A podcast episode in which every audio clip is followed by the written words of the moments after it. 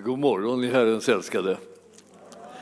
Ska vi eh, komma in i eh, Gudsordet ett tag till?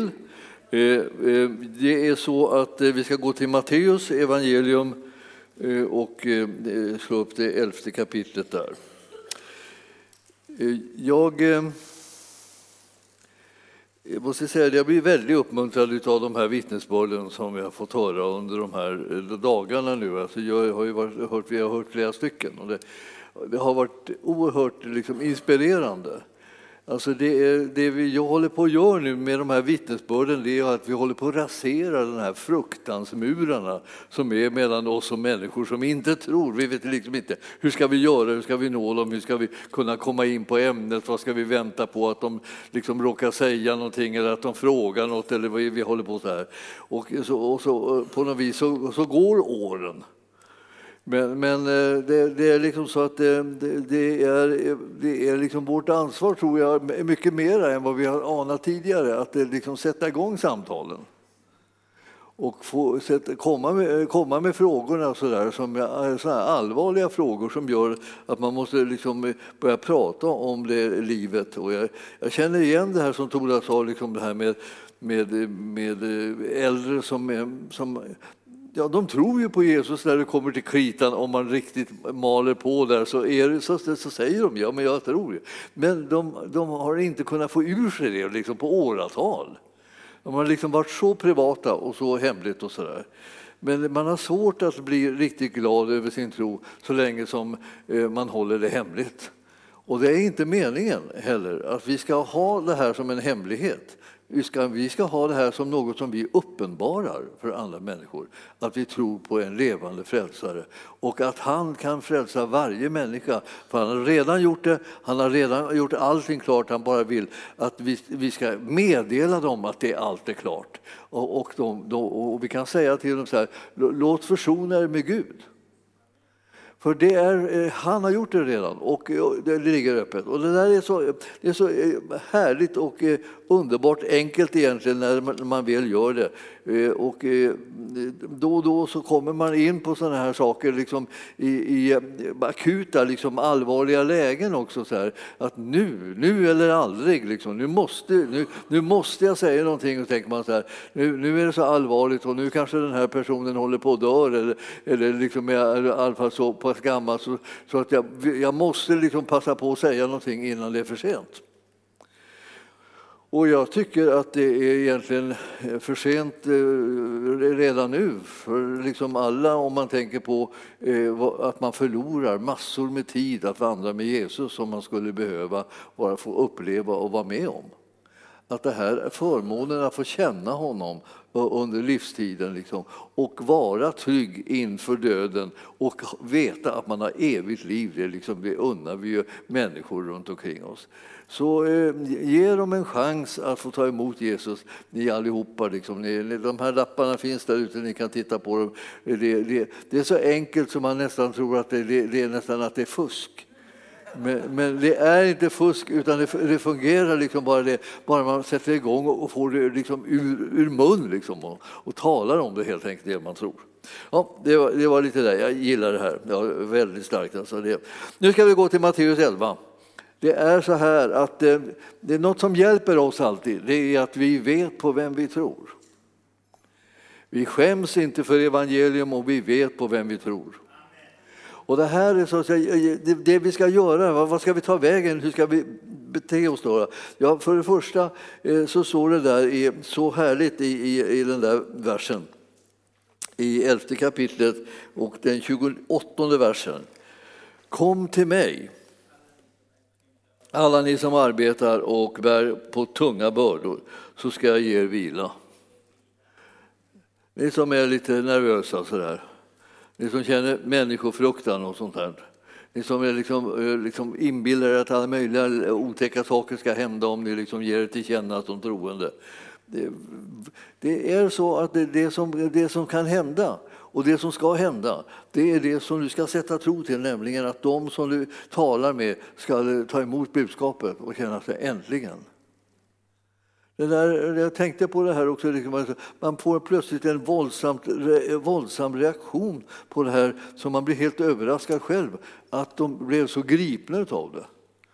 De som hörde vad, vad, vad man sa och hörde budskapet. Och det här, men jag känner också det här att ja, eh, var, var, ska jag, var ska jag känna mig trygg någonstans och hur ska jag kunna våga göra sånt här om jag varit liksom lite ängslig för människor? Jo, man, man måste vara tillsammans med Jesus. Alltså att man måste nalkas honom och man måste, måste komma ännu närmare och ännu närmare. Ju mer man kommer in i hans när, närvaro, desto mindre låter man sig skrämmas av några omständigheter alls. Och jag vill säga till dig, vi, det finns ingenting som vi är kallade att vara rädda för i den här världen. Vi är kallade att vara frimodiga och leva ett liv utan fruktan i alla våra livsdagar. Jag har sagt det så många gånger till er. Ni tillhör det folket som kan tjäna Gud och leva här i världen utan fruktan. Utan människofruktan, utan fruktan för omständigheter, utan för att ta ut elände som ännu inte har inträffat i förtid. Herren vill att vi ska vara trygga när vi vandrar här. Och han vill att vi ska vara hans representanter. Vi ska komma med erbjudandet om evigt liv till människor. Så därför, när jag, när jag läser den här versen och de här följande verserna som kommer här som är så jättekända, så, så, så känner jag så här att vad, vad, vad ofantligt skönt det är att ha en Herre som vi har i Jesus. Jesus säger, liksom, och vi backar upp en vers bara så här och tittar på vers 27. Så här, Allt har min fader överlämnat åt mig och ingen känner sonen utom fadern. Inte heller känner någon fadern utom sonen och den som sonen vill uppenbara honom för. Alltså, sonen eh, eh, vill uppenbara Fadern för oss för att vi ska lära känna honom. Det här sker genom uppenbarelse. Alltså man uppenbarar något för någon, det vill säga man säger hur saker och ting är. Man visar hur det liksom eh, ligger till. Och, det, och du tänker sig, ja, men de, de, ja, de vet så mycket, de har, så, de har andra värderingar, de, andra, och, de har andra eh, eh, syn på livet och de andra. Eh, det, det, spelar ingen roll, du ska berätta för dem hur det ligger till. För du känner den levande guden. Och du, du känner honom som har uppenbarat vem Fadern är. Du känner honom och det är han som har visat dig liksom hur det ligger till. Och du kan nu sprida det vidare till andra människor. Så står det så här, så, kom därför till mig, säger Jesus.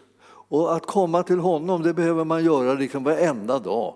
Och man behöver göra det om och om och om igen under dagens lopp så att man inte fastnar i någon fruktan för det ena och det andra. Det händer så många saker som vi, ska säga, som vi skulle önska inte skulle hända. Det, det, verkar ibland som saker och ting skulle kunna eh, komma och förstöra vårt liv och förstöra våra relationer, förstöra omständigheterna och, och ta ifrån oss försörjning och, och, göra allt möjligt liksom skrämmande. Men du förstår att om du kommer till honom så kommer du att se det här ur ett annat perspektiv. Jesus är den som har makten i himlen och på jorden. Det är han som är din Herre. Det är med honom som du har livsgemenskap. Det kommer inte att gå hur som helst med dig, utan du har ditt liv bevarat. Alltså du har blivit bevarat, hela det livet som du ska leva här på jorden, det är, det är bevarat och beskyddat av honom. Och det livet som du ska få i evigheten är också en gåva från honom. Och du behöver inte vara rädd för någonting av det. Han har omsorg om dig. Så att om vi om vi kunde ta till oss den här fantastiska möjligheten att få känna till det som han har uppenbarat för oss så skulle vi inte vara rädda. Och då skulle, då skulle vi kunna med frimodighet föra liksom det underbara, eviga livets gåva vidare till andra människor som vi har runt omkring oss. Alltså, eh, jag har haft många släktingar som har varit frälsta i, i generationer. Men jag har också haft sådana som, som bara liksom har satt sig på tvären och, och inte ville höra på det örat. Och, och jag, jag, brukar ibland prata om min bror därför att han, han, han, han, han gick, eh, han gick liksom intellektets väg, på att säga. Han gjorde karriär och var, var liksom framstående inom sin, sin, sitt arbetsområde och var väldigt smart och, och, och duktig. och sådär. Eh, han ville inte höra Eh, när jag pratade om evangeliet. Så till slut, så, på slutet av hans liv, nu har han, nu har han liksom lämnat det här eh, livet. Jag vet ju inte riktigt eh, vart han tog vägen. Men jag vet det att jag, jag, skrev till honom, jag har sagt det till er, jag skrev till honom ett brev. Och, som, han, som han svarade på med att han sa jag trodde vi var överens om att, du inte skulle, att vi inte skulle prata om sånt här. Men då visste jag, när han, hade, när han svarade det, att han hade läst det. Och jag skrev ett brev för jag talade om för honom steg för steg hur man skulle bli frälst.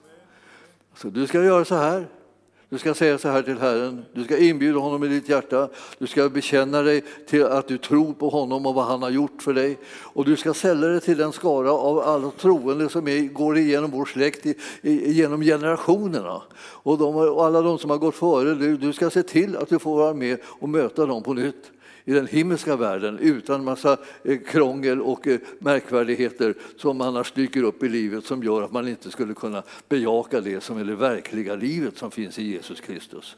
Så här gör du, ta emot honom, bekänn honom som din Herre och du blir frälst. Ja. Och sen om han säger det här på slutet, jag, jag trodde vi var överens om att inte prata om det här, så, så, eh, så har jag pratat om det i alla fall. Och jag har sagt det till honom hur han skulle göra. Och eh, vem vet, han kanske fick en klar stund innan, innan, innan han lämnade det här jordelivet. Men jag har sett till att alltså, han skulle höra det. Och han och jag har inte haft sådana där väldigt bra relationer. Vi har gått i, liksom, i två olika världar. Men, alltså, men jag har försökt att, liksom, att få prata med honom, men då han har liksom sig. det, att han inte ens hört vad jag sagt. Men då kom jag på det här, jag skriver naturligtvis ett brev och sätter upp punkterna. Och så, och så skriver jag liksom någon fråga så här på slutet liksom, och, och ber om få en respons av honom. Och då har han kommit igenom hela, så vet jag att han har hört det. Alltså, vad ska jag mer göra? Jag, jag kan inte göra mer än att jag, jag, berättar vad det är som jag har funnit. Men det är det saken gäller. Jag, jag ska inte göra det hans val. Och du ska inte göra andras val heller. Men du ska tala om vem du tror på och hur man får kontakt med honom. Det är det som saken gäller. Alltså tysta kristna är inte bra. Vi får alltså inte människor frälsta genom att vi tiger om vår tro. Du behöver inte sätta villkoret att om jag nu säger någonting om min tro, då måste alla öppna sina hjärtan och ta emot Jesus. Absolut allihopa på en enda gång. Så här. Annars vill jag inte göra det. Jo, du ska göra det därför att du har mött Jesus, så ska du ta, göra det i alla fall. Naturligtvis ska du önska att de tar emot det, men det är inte villkoret för att du säger någonting, utan du säger någonting även om ingen tar emot det. Även om det skulle vara så att inte en kotte tar emot det. Men så blir det inte. Men om det skulle vara så, så är det, inte, alltså, det är ingen ursäkt för dig liksom att liksom, man får motstånd så ska du inte säga någonting mer. Jag, jag säger, brukar du vittna? Nej, jag fick sånt motstånd. Jag ska vi säga till er, vi, vi bryr oss inte om om det blir motstånd eller inte motstånd. Vi kläcker ur oss det som är sanningen och som är härligheten och inbjuder dem att få del i det här underbara erbjudandet om frälsning och evigt liv. Man behöver inte leva i fruktan för döden, utan man kan vara trygg. Både i den här tiden också och i evigheten. Jesus säger alltså kom till mig. Behöver du inte vara rädd. Det är någon slags motsatsställning så där med att vara kristen och, eh, liksom, och vara rädd. Det är liksom på något sätt två olika liv. Att vara kristen är att inte vara rädd. Och du har rätt att inte vara rädd. Du behöver inte vara rädd för människor och omständigheter eller hur det har varit. eller någonting sådär. Du behöver inte vara rädd för framtiden heller. Du behöver inte vara rädd för liksom, vad, kan, eh, vad är det som kan drabba dig. Ja, jag menar, det finns massor av saker som kan drabba dig i livet, men du behöver inte vara rädd. För du har kommit till honom som är räddningen, frälsningen.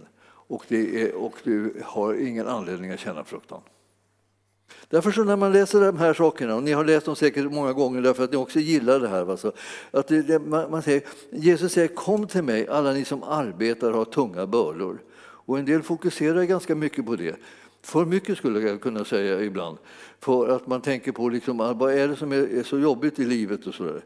Ja, det, det är mycket, men vad är det som är härligt i livet då? Om du skulle tänka på det lite grann. Vad är det som, det är? Vad är det som du egentligen måste tacka och prisa Gud för hela tiden? Ja, en del av oss är jättesvårt att hitta det. De vet inte vad, vad ska vi tacka för? Det?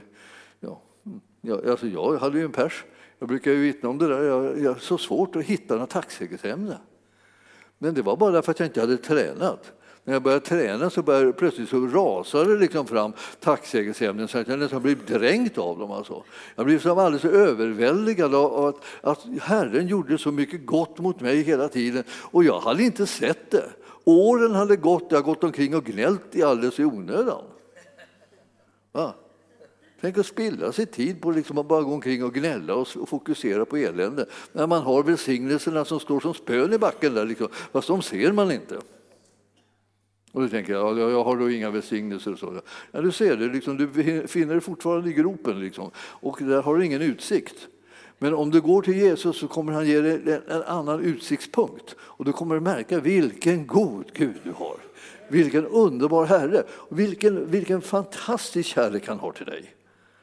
Jag, har talat lite grann om kärleken. Jag tycker att det är så eh, oerhört viktigt att veta att man är älskad av Gud. Alltså han som vet allting om dig och mig, han älskar oss. Det är, då, då, då, då, är man på säkra sidan kan man säga. För att liksom, älskar han mig, ja men då så. Alltså då är det ju liksom grönt helt enkelt. Alltså är det ingenting att gå omkring och oroa sig för eller liksom gräva ner sig över utan man bara kan jubla och prisa Gud. Alltså ni som arbetar och bär tunga bördor eh, och eh, eh, det klarar ni. Herren säger ja, jag ska ge er den vila ni behöver.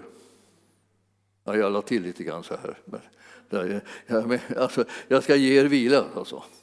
Och då tänker en del så här, ja, vila, åh vad skönt, vad skönt, vad skönt, jag kommer få semester, en utdragen semester, lång semester, lång, lång. Eller så tänker man så här, pension, halleluja. man ska bara, bara, bara ligga där liksom och, och vila, vila, vila. Så här. Alltså, jag, alltså, ni förstår, ett, ett, det som ger en vila och det som ger en verklig liksom, vad ska jag säga, eh, kraft, det är liksom att få göra någonting meningsfullt med livet. Det är inte, liksom, det är inte, det är inte att liksom låta bli att göra någonting, utan det är att, att göra rätt saker. Här står det, ta på er mitt ok och lär av mig, säger Jesus. Jag är mild och ödmjuk i hjärtat och då ska ni finna ro för era själar. Så följ honom. Eller om du vill säga så här, är, är han, måste jag leta efter han var han är någonstans? Ja, han är hos dig. Han bor i dig och det visar sig att du är i honom. Så ni är tillsammans så mycket som ni egentligen kan vara. Det är bara för dig att upptäcka det så att du kan liksom börja räkna med den styrkan som finns i det. Herren bor i dig. Herren eh, har, har öppnat sitt hjärta och du har fått ta din boning i honom. Eh, var, var, var, kan man vara tryggare? Var kan man vara starkare? Var kan man vara vissare om att det som man håller på med kan man göra liksom med frimodighet? Därför att Gud är med oss och han har gett sin väldiga styrkas kraft genom sin heliga Ande för att allt det som han har planerat ska gå i fullbordan. Jag vet att vi är de mest välsignade människor som får höra talas om vad Jesus har gjort och gett till oss. Är de mest, eh, alltså, mest avundsvärda folk som finns. Tänk att få veta om de här sakerna och istället för att gå och spilla ytterligare år och år och år och år och inte veta vad det hela handlar om. Nu vet vi det. Det handlar om att vandra tillsammans med Jesus. Det handlar om att få sitt liv bevarat för evigheten. Men det handlar om att få göra de saker som är Herrens vilja i den här tiden som är nu. Alltså vi, vi kan, Herren kan använda oss så att hans vilja kan ske genom oss. Alltså på alla möjliga olika sätt så kommer han kunna göra det. Om du bara ställer dig till förfogande, du, du behöver bara anmäla dig. Man tänker sig, ja men, ja, men hur, hur ska jag kunna klara det? Ja, just det. Och det kommer du aldrig göra ensam. Det här är planen som Herren har. Om du ska göra någonting i Guds rike som kommer att ha någon betydelse, som kommer att ha någon framgång, så kan du bara göra det tillsammans med honom. Alltså det är därför han pratar om det här med oket. Och, och ni vet alltså, att man sätter på sig ett ok. Så var det i alla fall när jag, jag var ung och det är fortfarande ok. Man bar vatten på det viset. Det var ju ett fantastiskt bra sätt. Till och med när man var liten, liten knatte så kunde man bära sådär hingar med vatten. Därför att man la på sig ett ok och fick man en jämn fördelning och så hakade man i de där hinkarna. Då reste man på sig och var man tillräckligt lång då så lyfte de här hinkarna från, från marken. Så man fick ha en viss längd då för att det skulle gå. Då för Men då, då lyfte de från marken och så plötsligt var, då var det inte, inte på långa banor och vägar så, så tungt som det var när man försökte konka på en enda hink med, med sina egna armar. Oket gjorde liksom att man var sammankopplad. Och nu, nu finns det ok som är sammankopplade med andra, som man går sida vid sida. En gammal och en ung kan bara gå i ok tillsammans, står det, står det i Bibeln en gammal och en ung, är bara oxe eller någonting sådär. Ja, så skulle kunna gå tillsammans. Varför då? Ja, då, de där två de, de bidrar med olika saker för att det här arbetet ska bli utfört. De underlättar för varandra i det och de kan göra ett bättre arbete än om de skulle bara vara själva. Ni förstår att det här är, det här är någonting som, som är så viktigt att veta att vad helst du håller på med och vad du än ska ta itu med och vad du än ska liksom brottas med eller till exempel bryta igenom och övervinna och så, så måste du göra det tillsammans med Jesus. Du, du har inte lov att springa omkring bara på egen hand och vara nervös. Och det, det är ingen kallelse från Herren, utan kallelsen ligger i att du är med honom. Kom till honom. Det är det du ska göra. Kom till honom hela tiden, om och om och om igen. Om du liksom tappar kontakten, tillbaka, tillbaka, tillbaka, tillbaka. Och så att ni tillsammans kan göra uppdraget. Det är det som är hans lösning. Att du och jag, ingen av oss, ska gå ensam. Och sen vill han demonstrera det här liksom också genom att han låter sin kropp bestå av mängder av små lemmar som är du och jag.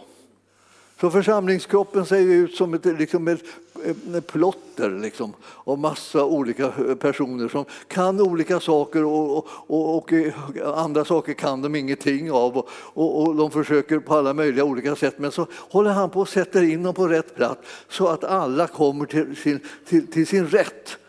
Och så kan vi göra det som är Herrens vilja. Han har inte tänkt liksom att, att, det är ingen idé att du gör någonting, liksom. du, du är inte så bra på någonting, du kan sitta där. Och så plockar han ut alla, så, liksom så samlar han bara något liksom stjärngäng, liksom, som de mest strålande, mest duktiga som finns och så låter han dem vara i verksamhet och de andra kan sitta och titta på. Liksom. Får ni se hur man ska göra det här. Men så går det inte till. Han betyder, behöver varenda del av kroppen och varenda person. Så du, därför så kommer du liksom att, om du lyssnar till honom, när, när du kommer till hans närhet och lyssnar på honom så kommer du att märka hur, vad han vill använda dig till och hur han vill använda dig. För det är inte säkert att det är liksom en önskestund för dig då du bara liksom går och plockar till dig det som du tycker liksom är, är mysigt eller trevligt eller så. Utan han kanske tar dig till någonting som han har tänkt just för dig och då får du lyssna på honom och så tar du det som han tar dig till där han sätter dig, det han vill använda dig till. Och det kan variera olika saker, liksom i olika tider i livet så gör man olika ting. Men, men, men det är han som bestämmer hur kroppen ska sitta ihop och hur den ska användas och hur den ska samverka. Så därför tycker jag, när vi, så här, nu har vi liksom en sån här starthelg på något sätt, att vi, vi, vi, vi behöver komma underfund med att vi allihopa ska tjäna Jesus. Det här kollekttalet, vi brukar ha det liksom med den där bibelstället från Kolosserbrevet 3.23. Det, det, det, det, är viktigt att man gör saker och ting så, som om man tjänade Herren. Man plockar inte bort honom ur det, utan man, vad helst man sysslar med, vad helst man har fått på sin lott, vad helst man har blivit indragen i, så gör man de sakerna som om det gällde att tjäna Herren. Alltså det är, det är en kärleksgärning till honom hela tiden. Då blir det helt annorlunda. Istället för att du är missnöjd med varför jag har bara den här uppgiften, varför får jag aldrig utrymme för det där, varför kan jag inte få det istället för det? Och så håller man på så här och bara förstör sitt liv. Jag menar, eh, vi kan förstöra våra liv, det har vi alla märkt. Alltså när vi sätter den sidan till så blir det, kan det bli lite riktigt eh, knot och, och knorr så här överallt sammans. Men Herren säger istället, om du nu kommer till mig så ska jag hjälpa dig. Jag ska, vi ska samarbeta och du ska samarbeta med de andra och så ska vi göra det som är Herrens vilja. Och du, om du gör det som du får som uppgift, så som du tjänade Herren, så kommer du känna en sån tillfredsställelse i det hela. Det, blir inte som man hade tänkt. Så blev det inte för mig och, det, och, och, så blir det säkert inte för dig heller. Och så tror man alltid att liksom, ja, den andras uppgift är jätte, jätteviktig och jättefin. Och jätte, tänk om man fick göra det ändå. Tänk om man fick, men jag ska säga dig, det är den uppgiften som du och jag får av Herren, det är den absolut bästa uppgiften som finns. Och när vi gör det här verkligen av kärlek till Herren i den där uppgiften så kommer vi bli så otroligt tillfreds av just det. Vi kommer inte att knota över det hela tiden. Alltså prompt göra någonting annat. Varför, varför, varför knota? Varför inte bara säga ja Herre, jag tar det här, tar emot det. Och ni har hört så många vittnesbörd om det här, hur, vad vi gör för olika uppgifter, så man, man, man känner ju liksom att wow! Eh, så, så, så, man kan, så man kan handskas med det här för att det här ska bli liksom en glädje. Ta på er mitt ok och lär av mig. Det är Jesus som lär ut det här. Eh, det, vi, det, är inte vi själva och det är inte de andra heller som håller på att lära oss utan det, utan det är Jesus som lär oss. Och, eh, och han, han, säger Jesus att han är mild och ödmjuk i hjärtat. Och det här är ett sätt för att kunna få ro i själen. Jag tror verkligen att det, det, det är någonting som eh, fattas fortfarande Guds folk, är lite ro i själen. Att de ska kunna liksom klara av att eh, acceptera saker och ting och ta emot det som Herren ger och göra de sakerna som Gud utmanar en till. Med hans hjälp. Utan att alltid snegla liksom åt andra håll och liksom bli avundsjuk eller bli irriterad eller bli missundsam eller, eller vad det kan vara för någonting. Det har vi, inte, vi har inget behov av det i Guds rike. Vi har behov av tacksamhet och glädje och, och så när vi gör de uppgifter som vi har fått. Så att eh, det där var liksom eh, en liten inledande sak. Då ska jag gå till Johannes 5 och 19. Ska vi ta en titt där?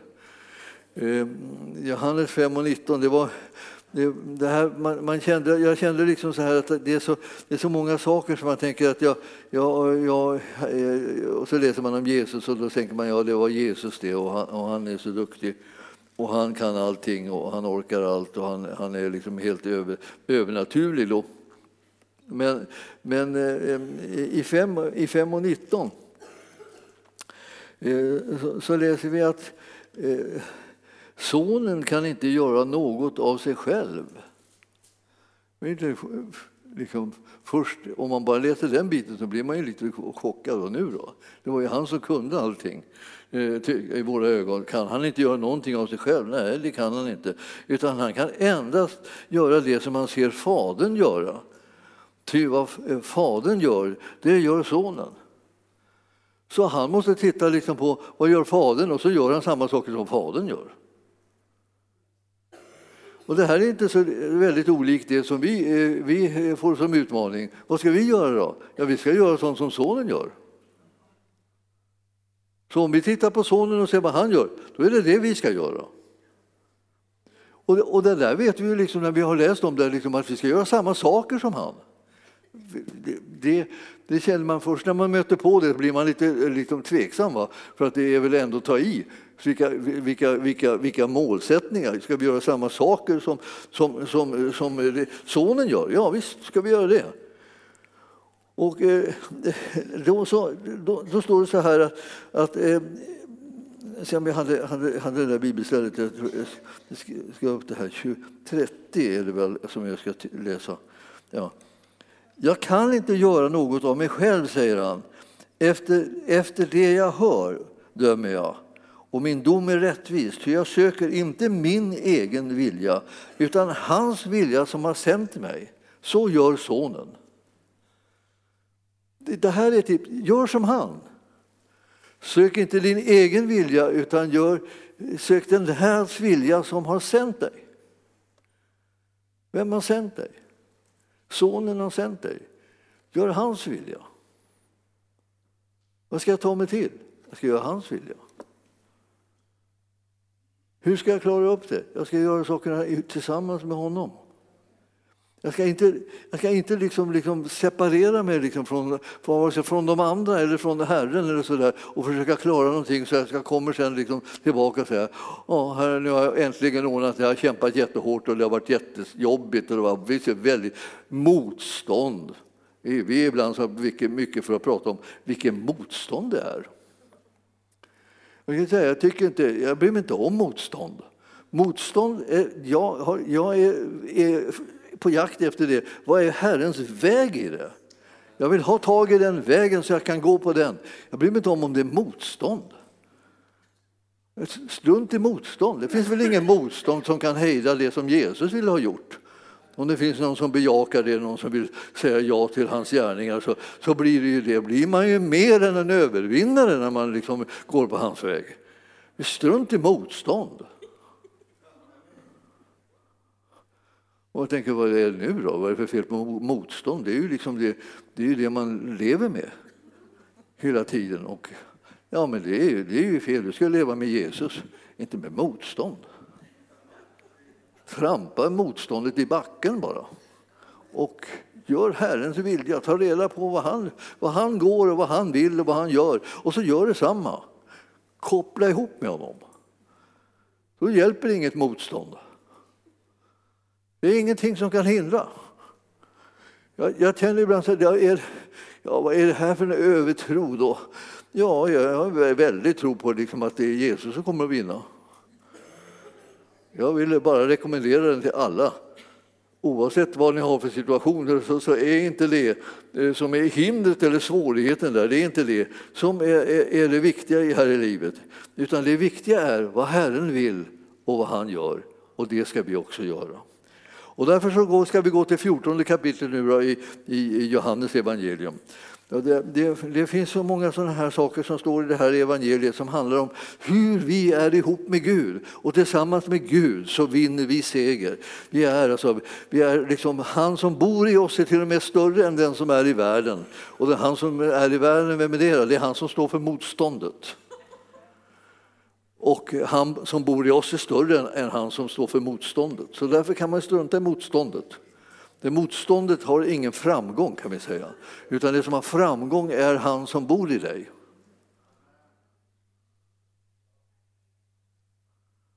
Är ni ingen glada över det? Lite glada. Det förstår att vi, vi måste tro på den kraft som är verksam i och genom våra liv när vi gör, går på Herrens vägar och gör hans vilja. Och då står det här i 14 kapitlet alltså så här. Eh, eh, ja, vi kan läsa från tionde versen tror jag. Eh, tror du inte att jag är i Fadern och att Fadern är i mig, säger han nu då till, till lärjungarna här. De ord som jag har talat till er talar jag inte av mig själv. Fadern förblir i mig och gärningarna är hans verk. Tro mig, jag är i Fadern och Fadern är i mig. Och om ni inte tror det, så tro för gärningarnas skull. Amen, amen säger jag er. Den som tror på mig ska utföra de gärningar som jag gör och större än dessa ska han göra ty jag går till Fadern. Alltså, när, jag, när, jag, när jag läste det här första gången i, i mitt liv, alltså såg det ska vi säga, jag, jag läste det må, allt för många gånger utan att se det. Men så, så, sånt är livet, jag säga. att det tar ett tag innan man liksom får något ljus över saker och ting som man läser. Men så kommer det här, alltså, och så ser jag det, att, att det här, jag, jag ska göra större gärningar. Jag, först ska jag utföra de gärningar som Jesus gör och sen ska jag göra större gärningar därför att han går till Fadern. Det kommer öka liksom, min möjlighet att göra ännu större gärningar eh, av dem som Herren vill att jag ska göra. Ja, och då, då, blir man ju, då blir man ju helt, liksom, man blev nästan liksom chockad lockade, här tänkte jag först, har, har, har de gjort något fel här? Har de smugit in någon främmande lära som inte jag känner till förut? Så var det ju bara att eh, eh Jesus, han gjorde stora gärningar, jag gjorde små pluttiga gärningar som inte räknades. Ungefär så där var, hade, hade vi arbetsfördelningen då. Liksom. Han, gjorde de han gjorde de stora och jag hade inte en chans på dem och de små de hade jag kvar då. Liksom. Och även de hade jag problem med. Då. Och så plötsligt så står det att han vill att jag ska göra eh, lika gärna, stora gärningar som han. Ja, han vill att jag ska göra större gärningar nu när han har lämnat den här världen och sitter på Faderns högra sida. Han förväntar sig att jag och du ska göra större gärningar. Ja, det, det, här är sånt där som får en att hissna. När man läser Bibeln så får man, får man liksom chock på chock över alltså att Herren vågar räkna med oss att vi ska åstadkomma någonting i den här världen som kommer att förvandla hela situationen. Vi är de som är det här, utgör det här nya riket. Vi är Kristi kropp, men vi är också Guds rike här på jorden.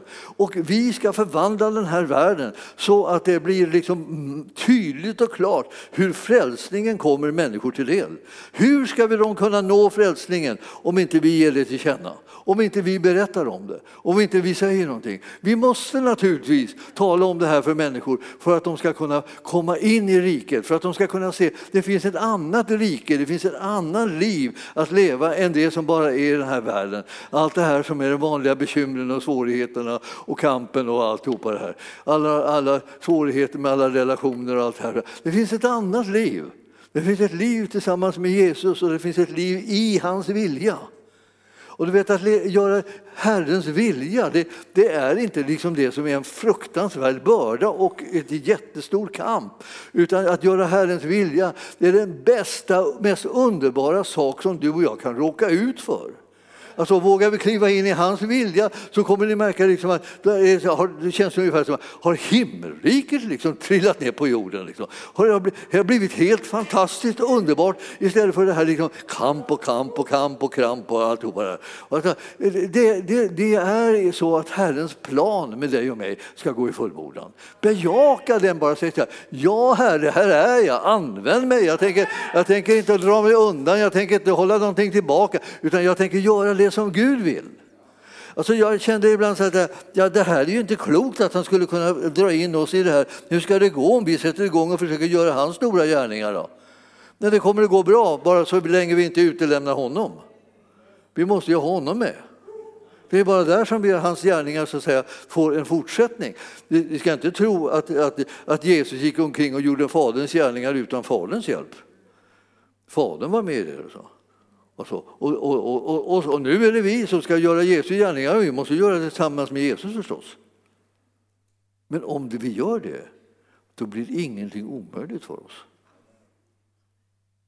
Förstår du vad jag kan tänka? Nu kan du börja tänka, vad är det som jag behöver ta itu med som, är, som det såg omöjligt ut, men som jag nu hör inte är omöjligt längre? Vad är det jag kan ta itu med? Vad är det jag kan tackla så att säga? Nu när jag vet att Herren är på min sida och hjälper mig.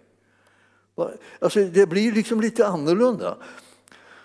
Vad ni än ber om i mitt namn ska jag göra för att Fadern ska bli förhärligad i Sonen.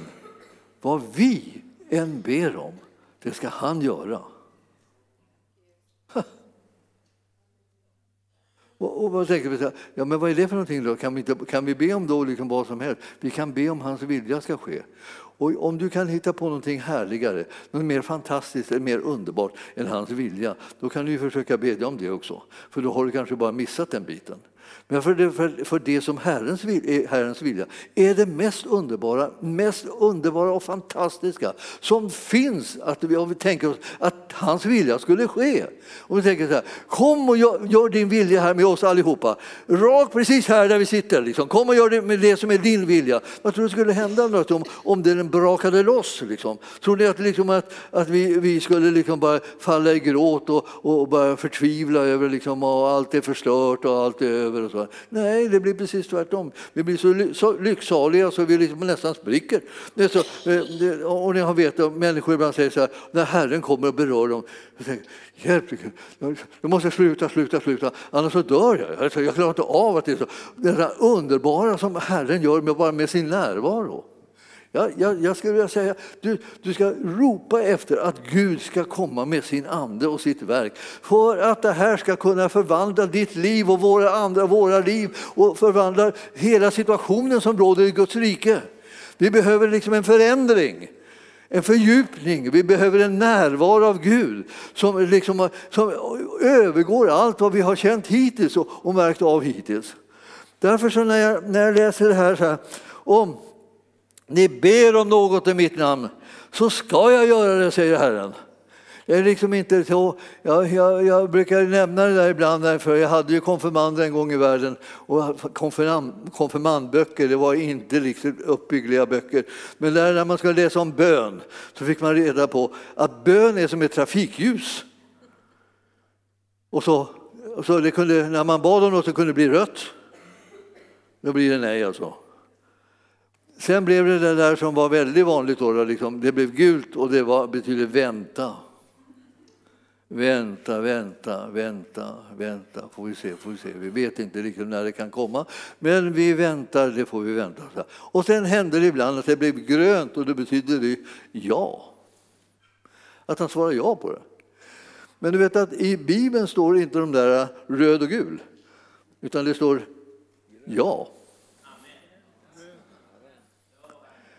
Alla Guds löften har i Kristus Jesus fått sitt ja och amen. Eller hur?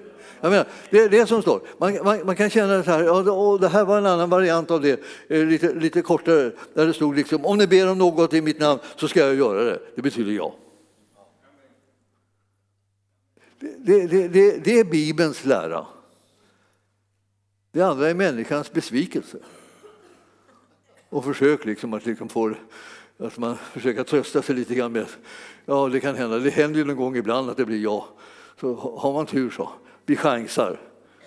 Vi, vi prövar, vi kan bara chansa på och så ber vi lite grann och så får vi se hur det går. Och det är i alla fall liksom en av, en av tre att det kan bli ett ja. Ni förstår att det, här, det, det, gäller att läsa Bibeln. Bibeln är mycket bättre än sådana här eh, små böcker med förklaringar hur man ska handskas med sin besvikelse.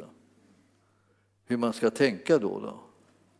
Om man tänker om man väntar tillräckligt länge och väntar så där, vem vet, det kanske blir ett ja då så småningom då fast det är inte det här, inte det här året eller nästa eller så. Man vet inte. Det kan ha gått så länge så att säga, som att man får den här upplevelsen, jag bad till honom och sen långt, långt senare så när jag tittade tillbaka så såg jag att jag hade fått bönesvar. Men det märkte jag inte, därför att eh, eh, det dök inte upp liksom någon gång i närtid på något vis, utan det dök upp så sent så att jag hade redan glömt bort att jag hade bett om det. Och man kan säga, så allvarlig var den bönen. Det var, det var ju så också. Men sen var det så, här, så likgiltig var jag för bönesvaret. Det är, inte, det är inte bra. Vi har en Gud som säger, be till mig så ska jag göra det. Det är så, det är så vår inställning ska vara till det. Jag ber till honom för att han ska göra det. Vad är det som han har lovat att göra? Ingår det här i det som han har lovat att göra för oss? Ja, det känner vi till genom alla löftena som Gud har, Gud har gett. De får sitt ja och sitt amen i Jesus Kristus. Vilken, vilka odds vi har! Om man tänker, ska vi, behöver vi be lite mer? Förmodligen. Sen behöver vi be med tro också. Vi ber inte liksom bara för att liksom, nu ska få höra på några fina böner som jag tänkt ut. Här. Väldigt fina böner. Eh, jag, jag, har, jag har bett många böner från, eh, från eh, de första århundradena. Jag har bett många böner av Augustinus också. Har jag bett. Och Hieronymus och alla möjliga kyrkofäder av olika slag. Man läste upp deras böner. Vad de hade med mig att göra vet jag inte riktigt. Men jag, jag läste dem i alla fall. Och, och, att jag fick något bönesvar på dem, det har jag aldrig märkt. Men jag, jag liksom bad om det, var liksom på något sätt bara liksom en slags sak så här, för Gud, här ska, nu ska jag läsa en fin bön för dig Gud. Och sen läser man en bön, så här, jättefin bön. Så. Den verkar väldigt from och väldigt så här, jag vet inte vad den handlar om riktigt, jag vet inte vad det gick ut på. Men, men den lät väldigt fin. Gud vill inte ha sådana böner, han vill ha hjärtats bön. Vi ska be på det sättet så att vi menar vi ska få bönesvar. Vi behöver bönesvar. Vi, vi litar på att Herren har lovat just det som han har lovat så att vi får frimodigt be om det så att vi kan vänta in bönesvaret så att det verkligen kommer. Alltså det, här, det är en våldsam skillnad på vad slags bön som man håller på att ägna sig åt. Vi ska bedja som bön som är trons bön för att få ta emot det som Gud har utlovat. Alla, den som garanterar det här är Jesus. Alla de här bönerna som vi ber, som är av den här sorten, som Herren har gett löfte om, att de, de kommer få sitt ja och sitt amen genom Jesus. Han är garantin för det. Så när du undrar så här, Bad du bra? Ja, det spelade inte så stor roll. Frågan är liksom mera, eh, trodde du att Jesus skulle höra det här och ge dig det som du ber om? Om du säger ja till det så ger han det till dig. Vi ska ta och läsa den där versen också. Jag, jag, jag, jag, tänker ibland så här att ibland så behöver man nästan samla ihop liksom vissa sådana här typer av, av verser och, liksom, eh, och, och, så riktigt se till att de liksom eh, är kända, att det, det står så här också. Nu ska vi titta på det där. Vad jag har nu måste jag se vad jag har också. Jag hade inte tänkt att slå upp den här versen nu, men nu kom den. Alla, alla Guds löften, var står den? Ni kan det där säkert. Någon som har läst den nyligen.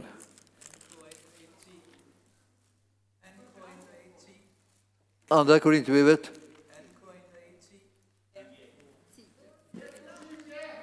Vilken vers? Nu ska vi se. Jag hittar inte jag det här. Ja, men jag, jag var titta där. Ja, ja, ja, ja, ja, ja, just det, just det. Tack, tack, tack, tack. Ja. Jag tittade på det men, men såg inte vad det stod. Ty alla Guds löften har i honom fått ja. Och därför så får de också genom honom sitt amen för att Gud ska bli ärad genom oss. Alltså här, här är det liksom så eh, spikat om vi säger att vi kommer att få bönesvar när vi ber i enlighet med löftena. Känner du då till löftena så kan du förändra världen. Och känner du inte till dem så kommer liksom bönen bli som slag i luften bara. Alla löftena, alla Guds löften har i honom, i Jesus, fått sitt ja. Och därför får de också genom honom sitt amen. För att Gud ska bli ärad genom oss. Alltså det ärar Gud att vi tar emot bönesvaren på de löften som Gud har gett oss. Så, vi ska ära Gud. Vi tar reda på löftena och vi ber om det. För att han har gett oss löften inom de områden där vi verkligen behöver bönesvaren. Det är inte så här, liksom, det här behöver inte du. Liksom. Det är ungefär som man ibland tänker att ska jag köpa några nya skor? För ibland så, så tycker min hustru att jag ska köpa nya skor. Då tänker jag så här, ja hur många skor har jag? Ja, jag har så mycket skor, det vet ni. Alltså, mina fötter har ju inte ändrat sig genom åren. Eh, jag, ändå har jag slängt bort en del och det, det är man ju tacksam för på sätt och vis. För de, de, de var inte så hållbara. Men alltså, eh, de, de flesta har ju hängt med jättemånga år.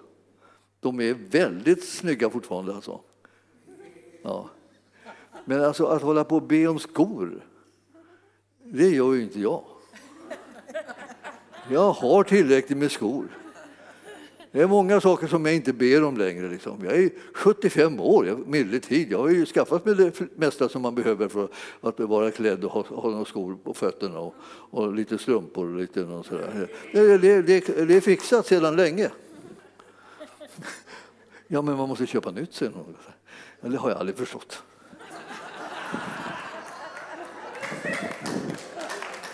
Nu tycker Linda inte om det här, att jag säger så här. Jag ska sluta också. Ja. Vad, vad, vad jag vill säga är, använd er av alla dessa löften som Gud har gett så att ni får förändring på det som verkligen behöver förändras.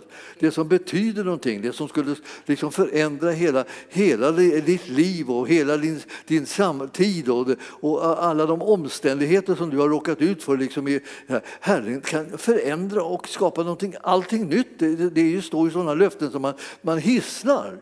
Vi ska inte vara okunniga om dem utan vi ska ge oss, ge oss i kast med dem och tänka så här, ja Herren har sagt, be till mig så ska ni få, be till mig så ska jag ge er hjälpen. Ja, ja men gör det då. Sitt inte och knota över liksom att inte någonting fungerar. Det fungerar precis väldigt bra på det här sättet. Herren ger löftet, du känner till det, du ber i enlighet med det, du litar på att Jesus är garantin för att du får bönesvar och så tar du emot det.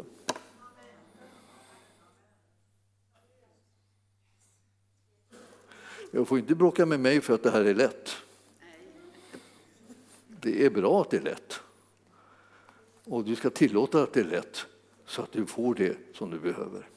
Så himmelske Fader, jag ber att du låter oss bli en församling som räknar med dig och dina löften, dina gärningar. Att vi tar emot allt det som du ger oss därför att vi bara är övertygade om att det du ger oss, det är det som vi behöver. Och vi tackar dig Herre för det och vi vill säga ja, amen till alla dina gåvor och vi vill ta emot dem och vi vill bli rustade med dem och vi vill kunna använda dem utan fruktan och tjäna dig i den här världen. Vi prisar dig Herre för att du är så god mot oss och du har en sån omsorg om oss och ingen av oss ska komma komma vid sidan om utan alla ska bli delaktiga av den underbara välsignelse som du låter flöda över ditt folk. I Jesu namn och församlingen sa Amen. Halleluja, tack Jesus. Underbart.